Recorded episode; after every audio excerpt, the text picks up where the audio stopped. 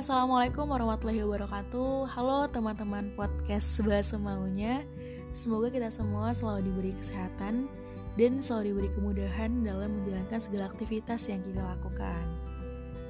Sebelumnya nih aku mau memperkenalkan diri. Namaku Lan Purnama, mahasiswa semester 5 jurusan Bisnis Syariah Sekolah Tinggi Ekonomi Islam Sebi Depok. Jadi teman-teman, sejujurnya ini adalah podcast pertamaku dan di podcast pertama ini, di segmen yang pertama, aku akan membahas hal yang sangat spesial sekali. Karena di sini aku akan ngobrol bareng nih tentang salah satu mata kuliah yang sangat aku gemari di semester ini, yaitu di mata kuliah Sociopreneur atau kewirausahaan sosial. Nah, sebelumnya nih teman-teman, uh, sebenarnya pembahasan tentang sociopreneur ini sangat luas. Maka dari itu, pada pembahasan kali ini, aku akan lebih mengspesifikasikannya lagi atau lingkupan pembahasannya akan aku lebih detailkan lagi gitu. Jadi di obrolan kali ini, di bahasan kali ini, aku akan membahas sociopreneur dari bagaimana caranya kita mengukur dampak sosial kewirausahaan sosial ini seperti itu. Nah, sebelum kita berbicara mengenai uh, pengukuran dampak sosial di kewirausahaan sosial, kita kembali lagi gitu ya. Kita review lagi tentang definisi atau penerapan kewirausahaan sosial di lapangannya itu seperti apa. Nah, pada teorinya kewirausahaan sosial adalah tentang bagaimana menerapkan pendekatan yang praktis, inovatif, dan berkelanjutan untuk memberikan dampak positif pada masyarakat, khususnya masyarakat kelas ekonomi ke bawah dan yang terpinggirkan. Nah, kewirausahaan sosial biasanya bertujuan untuk mengatasi masalah-masalah ekonomi atau sosial. Nah, kalau kita bahas secara lebih rinci ya teman-teman, jadi eh, secara lebih rinci, kewirausahaan sosial ini membutuhkan sekali kontribusi yang berdampak lebih luas pada masyarakat dari proses produksi yang berkelanjutan dan dapat diterima pula secara sosial serta keuntungannya itu berkontribusi atau diinvestasikan kembali dengan cara yang bertanggung jawab. Nah, kan kewirausahaan sosial ini tuh sangat penting sekali gitu ya, dampaknya itu sangat banyak sekali bagi masyarakat. Jadi memang di kewirausahaan sosial ini yang difokuskan itu bukan hanya keuntungan, tapi difokuskan juga kepada value atau nilainya. Nah, kalau kita berbicara tentang uh, keuntungan gitu ya, kan bisnis it, ibaratnya gini ya, kalau kewirausahaan sosial itu kan sang, ada sangkut pautnya juga kan dengan bisnis gitu. Nah, siapa sih orang yang uh, apa ya? Siapa sih orang yang mau berbisnis tapi tanpa profit gitu.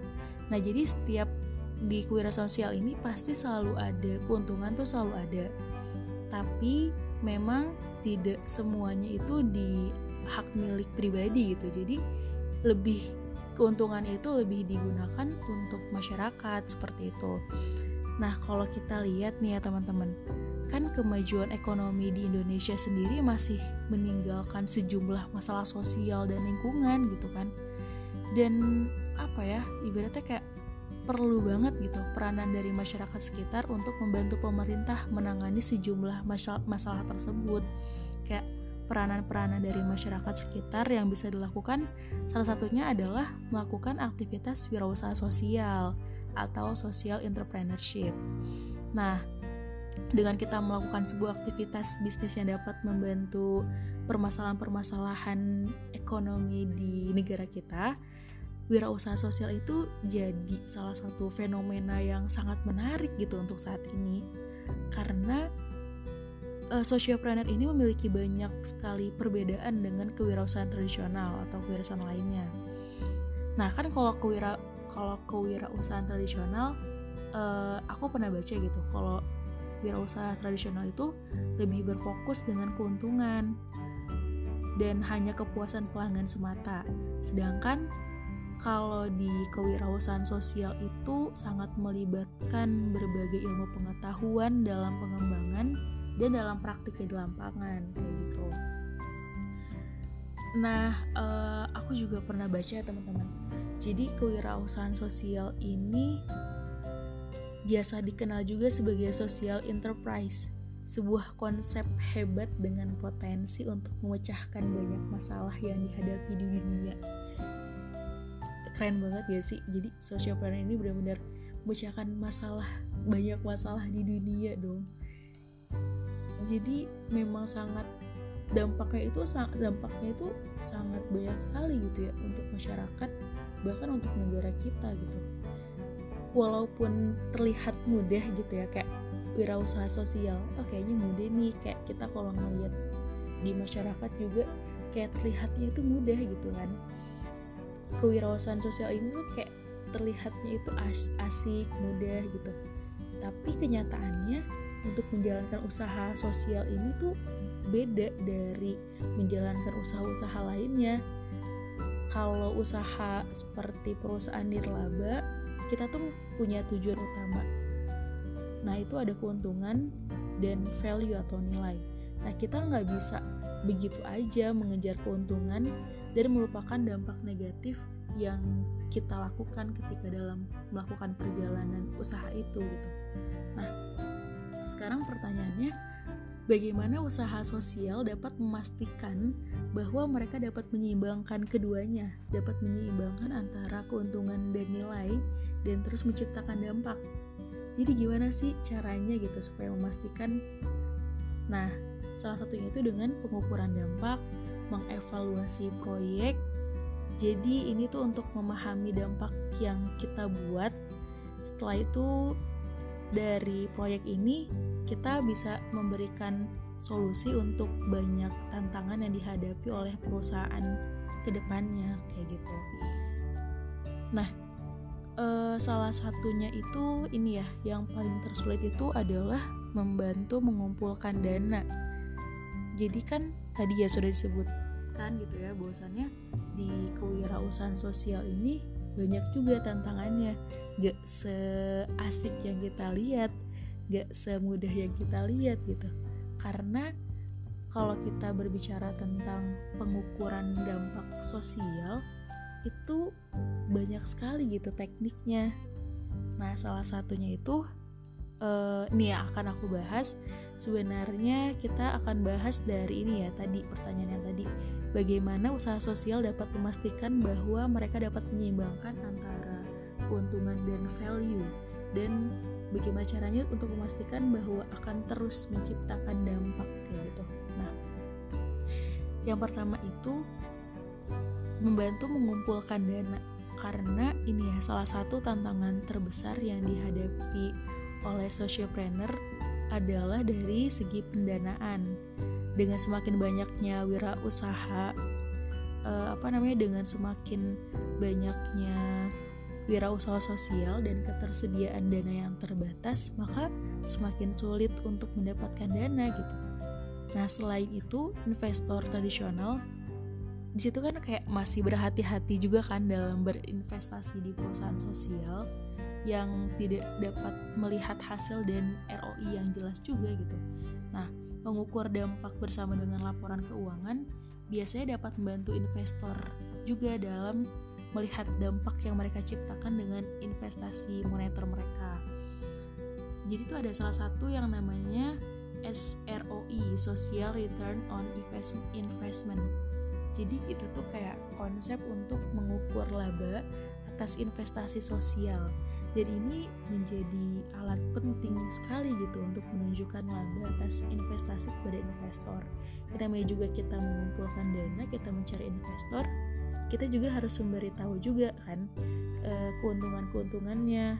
Setelah itu laporan keuntungan laporan keuangannya sorry harus kita perlihatkan juga kan laporan keuangan dan lain-lainnya nah ada berbagai alat yang memudahkan untuk pengukuran dampak bagi wirausaha sosial. Salah satunya adalah Artemis Impact Application yang memungkinkan kita tuh dapat mengumpulkan data dengan mudah untuk pengukuran dan pengelolaan dampak. Mereka juga memiliki berbagai sumber daya yang tersedia di situs web dan mereka itu uh, lebih untuk mempelajari lebih lanjut tentang pengukuran dampak. Jadi kita bisa membantu mengumpulkan dananya itu lewat aplikasi yang tadi kayak gitu. Nah, yang kedua caranya itu dengan membuktikan model bisnis. Jadi yang dimaksud dengan mengumpulkan model bisnis itu ini ya jadi kan premis dari setiap perusahaan sosial itu adalah keuntungan dan nilai yang sudah aku jelaskan sebelumnya gitu nah meskipun laporan keuangan akan bertindak sebagai bukti apa ya kayak bukti kelayakan finansial model bisnis yang kita berikan tapi metrik pengukuran dampaknya itu akan memungkinkan kita untuk menentukan apakah bisnis yang kita jalankan itu pada kenyataannya berhasil menciptakan nilai sosial yang positif bagi masyarakat atau dunia. Nah, eh, data dari pengukuran dampak yang tadi itu tuh kemudian dapat membantu kita juga untuk mem, apa ya untuk membuat keputusan yang tepat tentang tindakan kita di masa depan dan tetap autentik dengan visi kita. Jadi kan uh, di social planner ini kan pasti ini ya ada visi misinya juga tuh di dalam perusahaannya. Nah, ada juga nih banyak contoh wirausaha wirausaha sosial yang dimulai dengan visi yang baik dan memiliki apa ya kayak uh, yang terlihat di atas kertas lah gitu kayak model bisnis yang sangat solid gitu. Tapi ketika mereka melakukan pengukuran dampak setelah waktu tertentu, perusahaan ini tuh menemukan bahwa model bisnis yang mereka buat itu tuh gagal memberikan dampak positif yang diinginkan gitu. Nah sayangnya saat itu perusahaan ini sudah kehilangan banyak waktu dan uang yang berharga. Jadi memiliki rencana pengukuran dampak sejak awal dapat memastikan kita mempergunakan sumber daya dengan bijaksana. Nah jadi dalam kita membuat model bisnisnya itu kan ini ya biasanya kalau kita bikin bisnis juga kan ada kayak bisnis canvasnya gitu yang model bisnisnya gitu nah itu kita harus perhatikan juga tuh di dampak sosialnya itu nanti apa kayak gitu nah setelah itu ada tampil tampil menonjol di antara kerumunan itu yang ketiga jadi sebenarnya gini ya uh, kayak konsumen itu jadi lebih sadar secara sosial dan menuntut lebih dari sekedar produk bagus dari brand. Nah, konsumen itu mengharapkan transparansi dan akuntabilitas. Walaupun perusahaan konvensional jauh lebih diawasi oleh para konsumen gitu, tapi eh, nggak uh, lama kemudian pengawasan yang seperti itu tuh akan jatuh juga gitu kepada perusahaan sosial. Nah, maka pada titik itu pula, kemampuan untuk mengkomunikasikan dengan jelas apa ya, untuk mengkomunikasikan dampaknya itu dengan jelas dan nilai sosialnya dengan jelas. Nah, yang terciptanya itu akan membantu setiap perusahaan sosial untuk menonjol dari keramaian dan membangun basis pelanggan setia kayak gitu. Jadi intinya kalau yang di bagian itu konsumen itu kan akan lebih sadar juga kan secara sosial gitu kalau kita lebih memperlihatkan bisnis kita di situ gitu. Nah jadi uh, penting sekali gitu data. Data itu sangat penting dan gak bisa dilebih-lebihkan apa pun bidangnya nah pengukuran dampak ini dapat membuat suatu perusahaan suatu organisasi ini lebih berorientasi pada data dan memberdayakan mereka dengan alat yang diperlukan untuk membuat keputusan yang tepat tetap berpegang teguh pada visi, transparan, dan tetap bertanggung jawab kepada pemangku kepentingan dan konsumen. Kayak gitu. Nah, makanya dari tiga alasan tadi, tampil menonjol di antara kerumunan, membuktikan model bisnisnya, dan membantu mengumpulkan dana, itu tiga alasan yang perusahaan sosial itu tidak dapat gak bisa mengabaikan pengukuran dampak gitu. Jadi pengukuran dampak ini tuh sangat penting sekali kayak gitu nah makanya kan gini ya uh, kalau dipikir kayak salah satu yang paling sering ditanyakan oleh impact investor itu kepada social planner itu kan bagaimana cara kamu mengukur dampak sosial dari usaha yang kamu buat gitu tapi sayangnya sering banget pertanyaan yang seperti itu pertanyaan terakhir dari social entrepreneur ini ingin ditemui. Nah, jadi di dalam pemikiran entrepreneur, mengikuti perkembangan dampak sosial merupakan tugas yang emang tadi ya gak mudah dilakukan gitu karena dalam penerapannya sering sekali membutuhkan upaya yang signifikan untuk mengadakan survei bahkan dalam beberapa kasus sangat sulit untuk mendapatkan indikator yang sesuai untuk mengukur dampak sosial gitu. Nah, para sosial para sosial entrepreneur juga menghadapi tantangan yang berat dalam mencari modal tadi ya, mencari modal, tenaga kerja dan sumber daya lainnya. Jadi sedikit gitu sosialpreneur yang bisa mengalokasikan waktu dan dana untuk kepentingan pengukuran dampak sosial. Nah, selain itu, banyak juga nih pengusaha yang sebenarnya tuh mereka tidak menyadari bagaimana kegiatan tersebut dapat mempengaruhi bisnis mereka. Nah, umumnya pada pengusaha melakukan survei hanya karena dipertanyakan oleh investor atau donor kayak gitu. Jadi uh, apa ya? Kurang lebih tadi ini ya kalau sosial planner atau viral sosial itu tidak semudah yang kita lihat, tidak seasik yang kita lihat gitu banyak sekali tantangan di dalamnya kayak gitu. Nah, tapi di sini tuh ada ekosistem sosial impact yang saat ini terdapat dua solusi ekstrim. Nah, di sini yang pertama itu ada pendekatan ortodoks atau akademik. Jadi lebih melibatkan penilaian dasar dan konsistensi pengumpulan data. Nah, pengumpulan data ini untuk memahami dampak dari kelompok kontrol versus kelompok yang dipengaruhi oleh bisnis. Nah, pelaksanaan dari pendekatan, pendekatan ortodoks ini tuh memakan biaya yang sangat mahal dan memakan waktu bertahun-tahun untuk hasil yang sepenuhnya berkembang. Nah, sementara itu bisnis mungkin telah berpaling gitu ya kalau kelamaan dari target pelanggan utama. Nah, misi sosial utama atau keduanya. Dengan hal itu apa ya kayak data yang kita peroleh itu nggak lagi dapat digunakan untuk operasional dan strategi bisnis gitu. Nah yang kedua melalui pendekatan praktikal. Jadi kayak tinggal menghitung jumlah pelanggan atau penerima manfaat dari pembelian produk atau jasa yang ditawarkan perusahaan. Nah, bisnis itu selalu melacak metrik yang tadi gitu, tapi gak jelas apakah penjualan produk dapat benar-benar mengarahkan pada dampak positif yang lebih besar.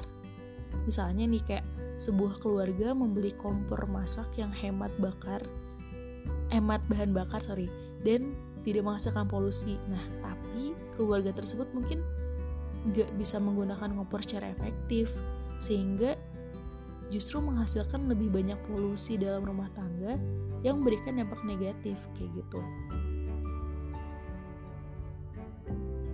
nah setelah itu uh, ada salah satu ini ya pengukuran dampak sosial positif usaha dengan cara logic model. Salah satu itu dengan logic model. Mengukur dampak positif usaha sosial dengan logic model. Jadi logic model itu adalah sebuah cara sistematis yang menggambarkan dan mempresentasikan hubungan antara sumber daya, aktivitas yang direncanakan, serta hasil yang kita inginkan.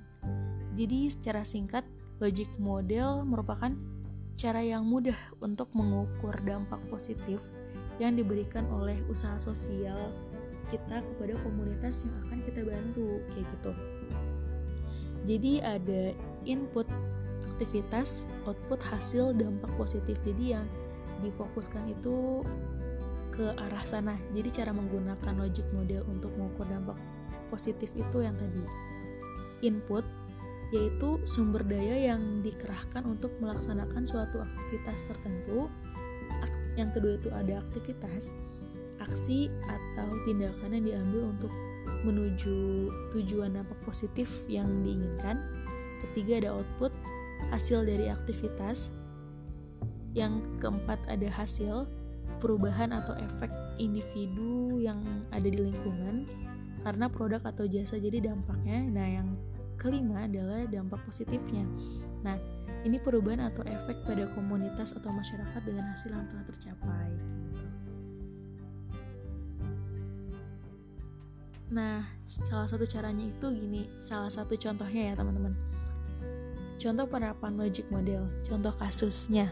Misalnya, ada Ibu Ani memiliki usaha sosial di bidang busana. Nah, Ibu Ani memproduksi hijab dengan bantuan komunitas ibu-ibu rumah tangga di desa Sukamakmur. Inputnya nih apa gitu? Nah, inputnya misalnya yang pertama, terdapat 200 ibu rumah tangga di Sukamakmur. Yang kedua, lokasi Sukamakmur dekat dengan banyak pabrik tekstil. Yang ketiga, banyak anak-anak yang putus sekolah. Nah, dari situ kan kita bisa melihat peluangnya kan dan melihat uh, permasalahan solusi dari solusi ini kita melihat peluang-peluangnya kayak gitu. Nah, dari input ini akhirnya menciptakan aktivitas itu. Dari aktivitas ini Berarti ini ya kayak mengajarkan teknik menjahit hijab pada ibu-ibu di Sukamakmur. Setelah itu mengajarkan keterampilan bidang penjualan kepada ibu-ibu di Sukamakmur. Nah, itu aktivitas yang akan dilakukan. Outputnya adalah misalnya 32 ibu-ibu dapat membuat 15 hijab per hari. 28 ibu-ibu dapat menjual hijab 200 potong per bulan dengan secara online Dua ibu-ibu membuka toko pakaian di pasar dan menjual 450 potong hijab per bulan. Nah, itu outputnya. Jadi hasilnya itu dari hasil dari aktivitasnya itu itu. Nah, setelah output, input, aktivitas, output dan hasil. Jadi yang pertama 18 ibu pengangguran menjadi memiliki pendapatan sebesar 4 juta per bulan. Terus 39 ibu pengangguran menjadi memiliki pendapatan sebesar 3 juta per bulan. Empat ibu pengangguran menjadi memiliki pendapatan sebesar 2 juta per bulan. Nah, itu hasil dari output yang tadi itu gitu. Nah, setelah ada hasilnya tadi kita sudah lihat, lalu ada dampak positifnya dong. Nah, salah satunya dengan mengangkat harkat dan martabat ibu desa Sukamakmur, meningkatkan keadaan ekonomi keluar desa Sukamakmur, dan meningkatkan kualitas pendidikan desa Sukamakmur kayak gitu. Jadi itu adalah salah satu contoh dari mengukur dampak positif usaha sosial melalui dengan logic model kayak gitu teman-teman.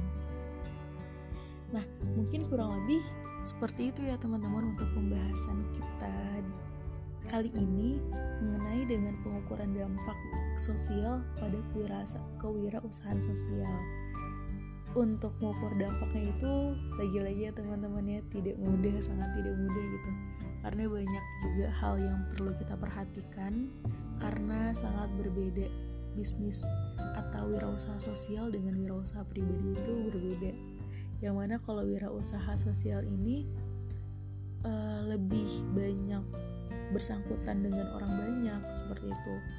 Dalam segi mengelola keuangan apalagi gitu. Jadi benar-benar harus detail sekali dan harus spesifik sekali kayak gitu kan. Belum lagi kita juga harus mempertanggungjawabkan dari dampak sosial, dampak positif, dampak sosial yang akan kita berikan terjalankan atau tidaknya. Seperti itu. Jadi harus benar-benar survei harus benar-benar mencari tahu tentang kebutuhan yang ada di masyarakat kebutuhan yang uh, enggak permasalahan yang ada di masyarakat. Setelah dari permasalahan itu dilihat juga kebutuhan masyarakat. Setelah kita lihat kebutuhan masyarakat kita lihat dulu peluang yang ada di sekitar apa yang bisa kita sama-sama olah yang bisa sama-sama kita jadikan solusi setelah itu disurvei lagi disurvei lagi dan disurvei lagi dianalisa lagi baru kita bisa mengeluarkan solusinya itu solusi solusinya itu dengan kita meningkatkan kewirausahaan sosial seperti itu. Nah, uh, oh udah 24 menit ya teman-teman. Ternyata lumayan tidak terasa juga waktu kita setengah jam untuk ngobrol bareng nih atau kita bahas tentang hal ini dibahas di podcastku bahas maunya. Mungkin yang tadi aku jelaskan uh, apabila ada salah-salah kata atau ada yang kurang kurang berkenan atau ada yang salah um, mungkin teman-teman bisa saling kita sendiri saling belajar saling mengkoreksi juga. Silahkan langsung bisa langsung di komen aja atau lewat Instagram aku di DM aku. DM aku di @wulprn nah di situ misalnya ada yang kurang atau ingin menambahkan itu bisa di situ. Jadi kita sama-sama saling belajar aja ya teman-teman ya di podcast ini.